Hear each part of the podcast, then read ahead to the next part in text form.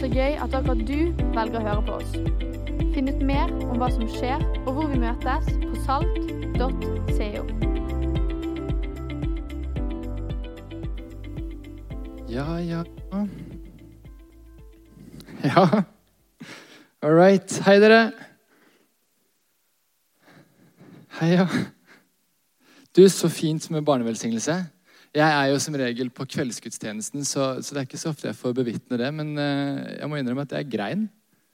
Jeg er ikke det spesielt. Jeg kjenner ikke barna engang. men det var veldig fint å se på. Veldig, veldig fint. Jeg, for noen uker siden så, så jeg tilbake på min egen barnevelsignelse. Jeg fant en video av det. Det var min onkel som er pastor, som barnevelsigna meg. Og da også kjente jeg bare tårene kom, for det er så fint å se at uh, ja, det starter der, på en måte. Uh, og, og, og at vi velsigner barna så tidlig. Det syns jeg er fantastisk. Så det var uh, takk for uh, at jeg fikk lov til å se det. det var kjempefint. I rommet her nå så er det en del mennesker jeg kjenner, og så er det også en del mennesker som jeg ikke kjenner, og som sikkert heller ikke kjenner meg. Så til de av dere så har jeg lyst til å si jeg heter Eivind. Er 25 år, gift med Malene. Vi har vært gift i et år. Vi har ingen barn. Ingen bil, ingen penger. Men vi har det ganske greit, tror jeg. Vi er rik på andre ting, kanskje. Ja, Vi er jo nygift, så. Men, eh, men, eh, men, og det er kjempebra. Så, så vi koser oss, og, og, og, det er bra. Og i, i, dag så skal jeg få lov til å, å det vi kaller å forkynne eller tale eller preke. Jeg vet ikke hvor vant du er til det, men det varer i hvert fall i rundt sånn 25 minutter. Jeg skal prøve å si noe, og jeg skal ikke bare lurke opp noe som jeg har tenkt på selv. Eh, når vi taler her i kirken, så tar vi alltid utgangspunkt i denne.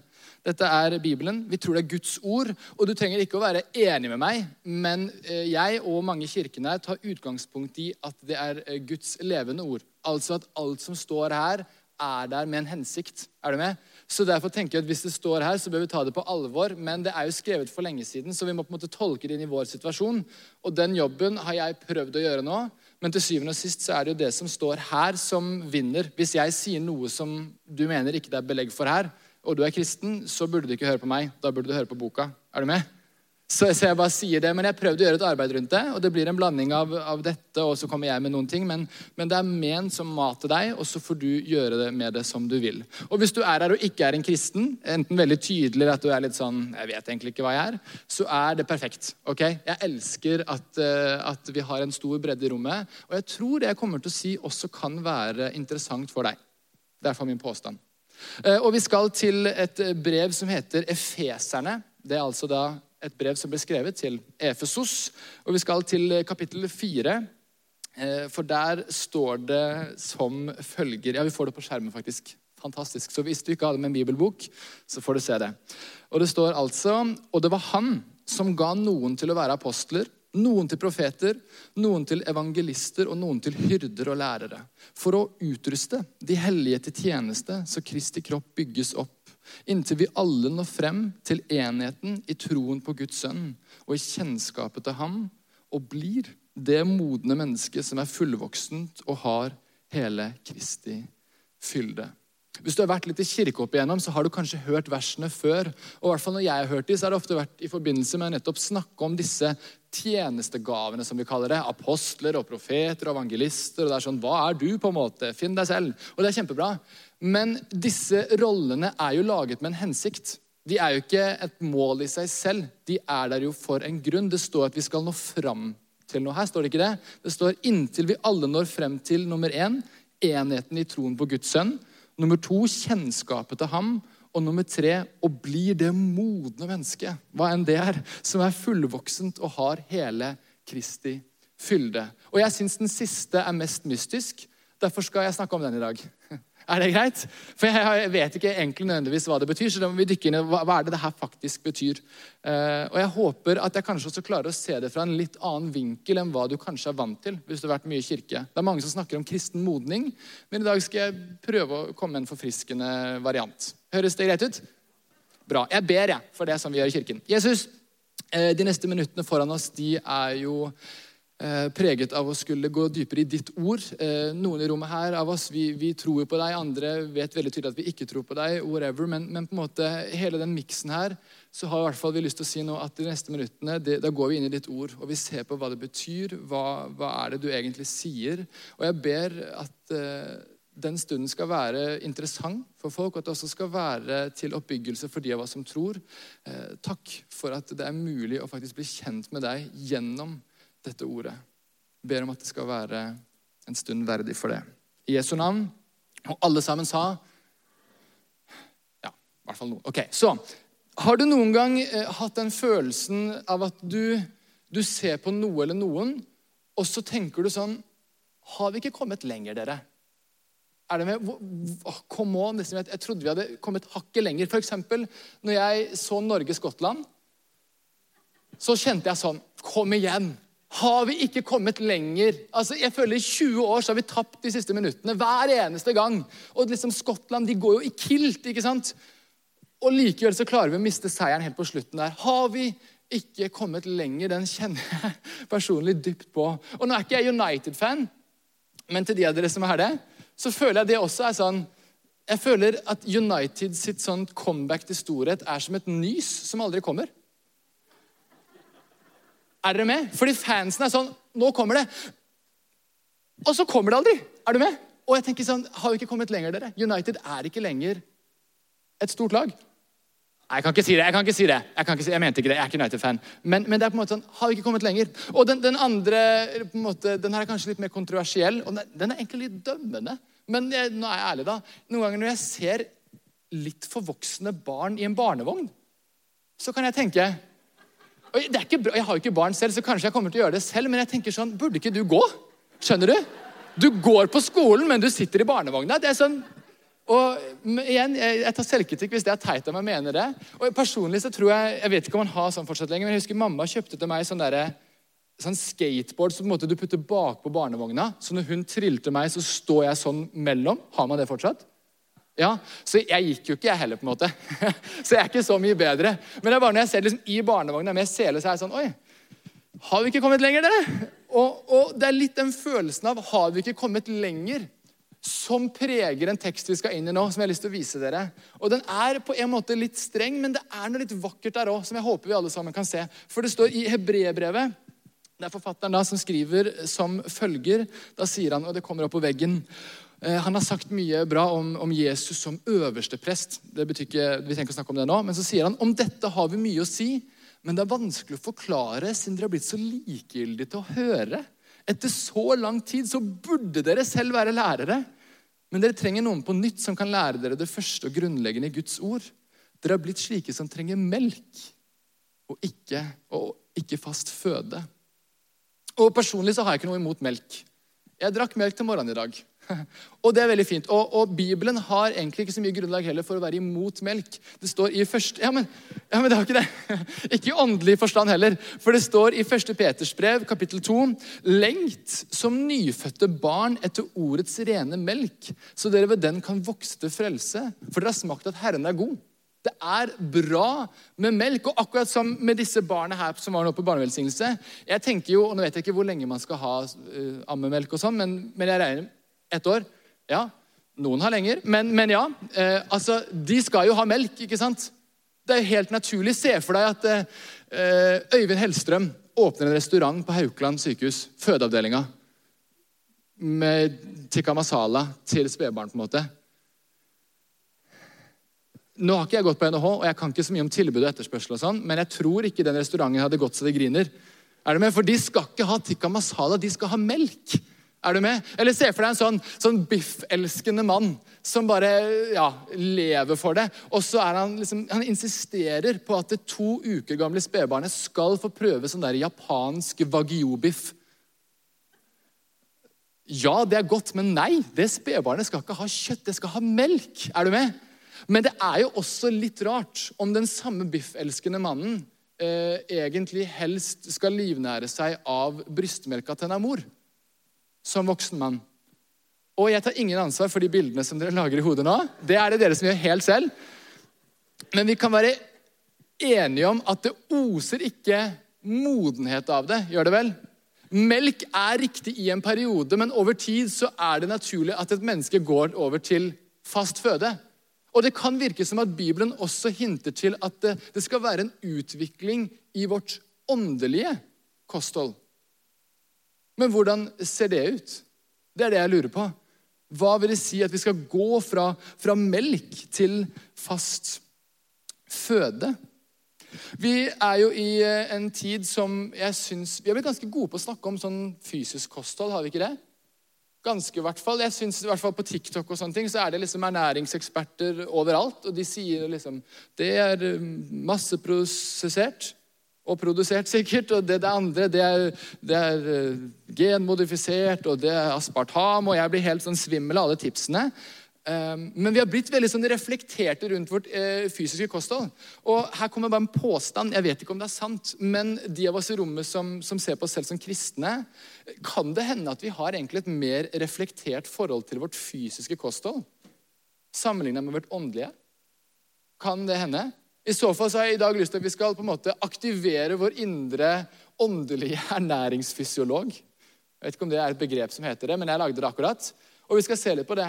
Og Hvis du også er her og tenker at jeg er ikke kristen, Eivind, så har jeg også lyst til å si at eh, og kanskje ikke du er enig med meg, men jeg mener du også har et åndelig kosthold. Og Jeg skal komme tilbake til hvorfor. Men så derfor for alle i rommet her nå, la oss være litt sånn ernæringsfysiologer på et åndelig nivå. Høres det greit ut? Ok, bra. Så Um, Bibelen snakker om to former for mat. Og, og, og, Vi kan se den første i Matteus 4,4. Der, der står det mennesket lever ikke av brød, men av hvert ord som går ut av Guds munn. Det er det vi finner her. Og det tror jeg mange kristne og folk som ikke har vært så mye i kirke også, tenker at ja, det gir mening at kristne er opptatt av denne boka her. Det er liksom mat for troa. Men det er også en annen form for mat som vi ikke alltid tenker over. For i Johannes 4,34 så står det Men Jesus sa til dem, min mat er å gjøre det han vil. Han som har sendt meg, å fullføre hans verk. Altså at evangeliet om Jesus Kristus er ikke bare et budskap som du kan skjønne og høre, det er et nytt liv som du kan leve og gjøre. Gir det mening? Det er ikke bare noe vi skal høre, det er faktisk noe vi kan gjøre. Og når du tenker over det, så er det ikke så ulogisk. For jeg tror vi alle sammen i rommet her har erfart at det å gjøre og høre, det er to forskjellige ting. Men vi formes jo egentlig vel så mye av det vi gjør, som det vi hører. Jeg vet ikke om det er bare meg. Jeg kan høre masse gode kostholdstips, men det skjer ingenting med den kroppen her før jeg faktisk gjør endringer i kostholdet. Jeg kan høre tipsene, men det er når jeg gjør det, at det blir faktisk annerledes. Og hvis kristen modning handler om forming, ja, da gir det jo mening at både det å høre Guds ord og gjøre noe med det, er mat for det åndelige kostholdet. Mitt spørsmål er jo hvordan ser et sånn sunt og variert åndelig kosthold ut da? Hva er det det betyr? Og, og hva betyr egentlig melk og fast føde? Helt seriøst. Hva er forskjellen her? Det lurer jeg på. Er melk liksom barnebibelen, som, som kidsa fikk nå, og fast føde er liksom denne? Hva, hva, er greiene med det? Det skal vi se mer på. Er dere klare for det? Merker at jeg, liksom, jeg, jeg lengter etter respons. Så, sånn er det. Jeg vet ikke om du vet det, men, men vi mennesker har faktisk mer til felles med haier enn du tror. Ja, Jeg håper ikke det er kostholdet. Det er i hvert fall ikke for min del. Jeg håper ikke det er det for deg. Men du vet, haier de er sånne som eh, alltid må bevege seg for å holde seg i live. Visste du det? De får oksygen ved å bevege seg gjennom vannet. Det er sånn de overlever. Og vi mennesker må heldigvis ikke bevege oss hele tiden for å overleve. Selv om Robert Hisdal og andre løpsentusiaster tror de må det. De kan sitte stille i sofaen. Det går helt fint. Du overlever.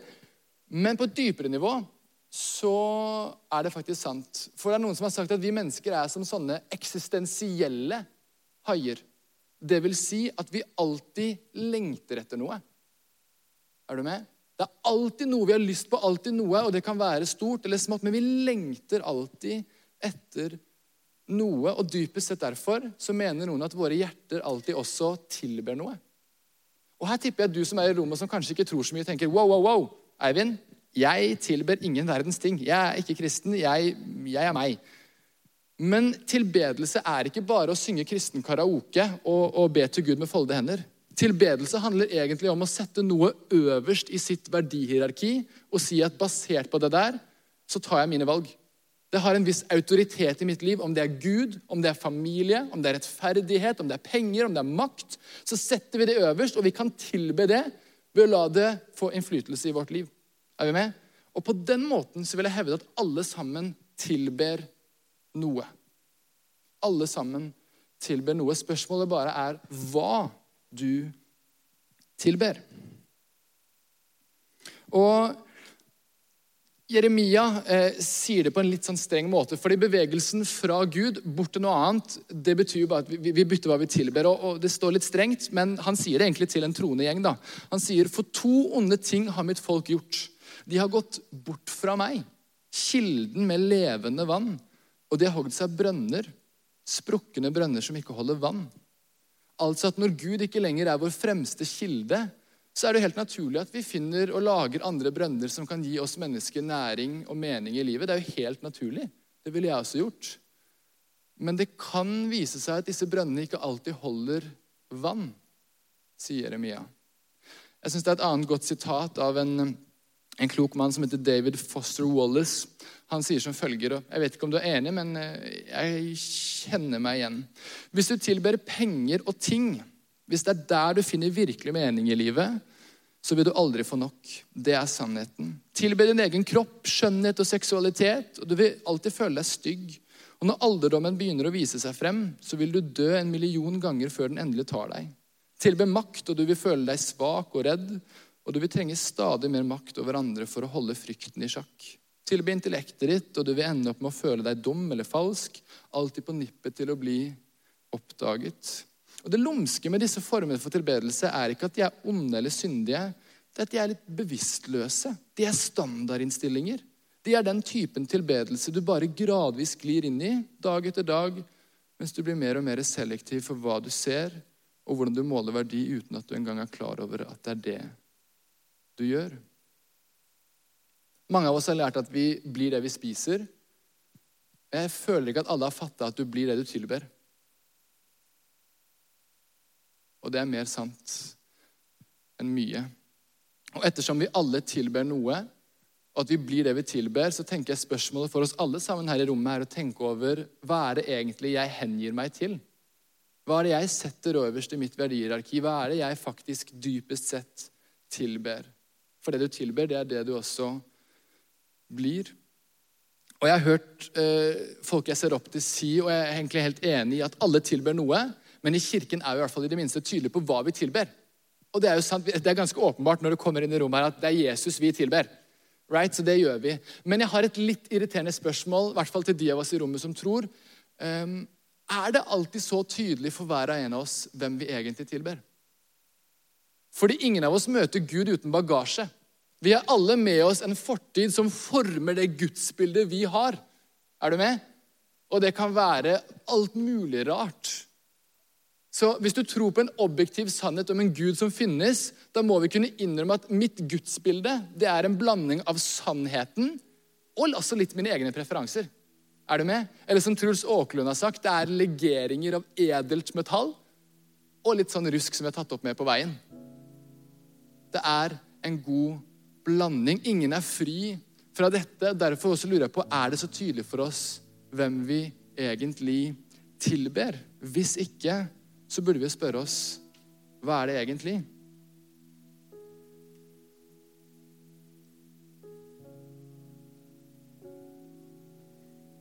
Sagt på et strengt måte så kan vi høre det teologen Miroslav Wolf sier. Hjertene våre blir avgudsfabrikker, altså at vi skaper Gud litt sånn i vårt bilde, hvor vi gjør og omgjør Gud slik at han passer våre behov og begjær. Altså at når den Gud vi tilber, hvis du gjør det. Hvis vi reduserer han til det vi ønsker å føle for, så blir vårt åndelige kosthold ganske fattig, tror jeg. Jeg tror ikke det blir så veldig mye å vokse på.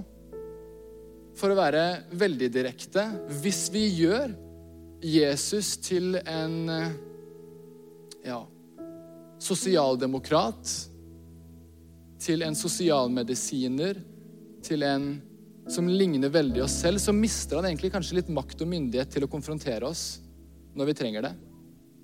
Til å betjene oss når vi trenger det. Og det er så fort å gjøre det. Vi gjør det alle sammen. Så når vi snakker om fra melk til fast føde, så lurer jeg på om egentlig veien dit er å tørre å stille seg selv spørsmålet Hvem er det jeg egentlig tilber? Og hva slags bilde er det jeg har laget av den Gud er det det som åpenbares her? Eller kan det hende at jeg klarer å avsløre noen ting som jeg har tatt med meg på veien, som kanskje det ikke er så godt belegg for å tro? Det er et skummelt spørsmål, da. Jeg liker ikke å stille det. Men barn liker heller ikke å måtte liksom gå vekk fra god, god mat til å måtte brokkoli og sånne ting. Nei, jeg vil ikke ha det. Men det er jo først når de begynner å spise de tingene, at vi ser at å, de vokser jo. Det er bra for dem. Og kanskje det er noe av det samme her. Og til deg som er i rommet og som ikke tror på Gud, kan jeg stille det litt direkte spørsmålet Kan det hende at det gudsbildet du har For du har et gudsbilde, men du har sagt nei til det. Kan det hende at, at det bildet nødvendigvis ikke stemmer med den virkeligheten som beskrives her? Jeg skal ikke be deg lese det her opp, for, for, men, men, men jeg har lyst til å spørre deg, kan det hende? For hvis Gud finnes, kan det hende at du bare har et annet bilde av han, og at du derfor med god grunn har sagt nei, jeg har ikke lyst på det der.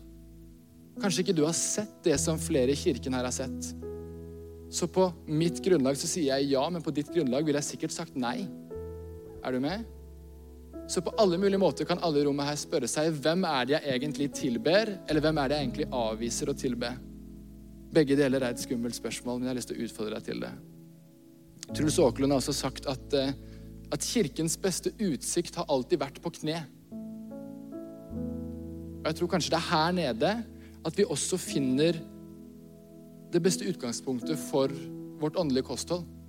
At det er her nede med denne at vi kan begynne å finne hva er det jeg har dratt med meg, og hva er det som egentlig er sant om han. Og jeg tror du vil finne fast føde der nede. Og jeg utfordrer deg til å gå ned her og si, Gud, Vis meg hvem du egentlig er. Jeg er åpen for å endre mening. Ikke la meg forme deg i mitt bilde, men jeg vil at du skal forme meg i ditt bilde, Gud.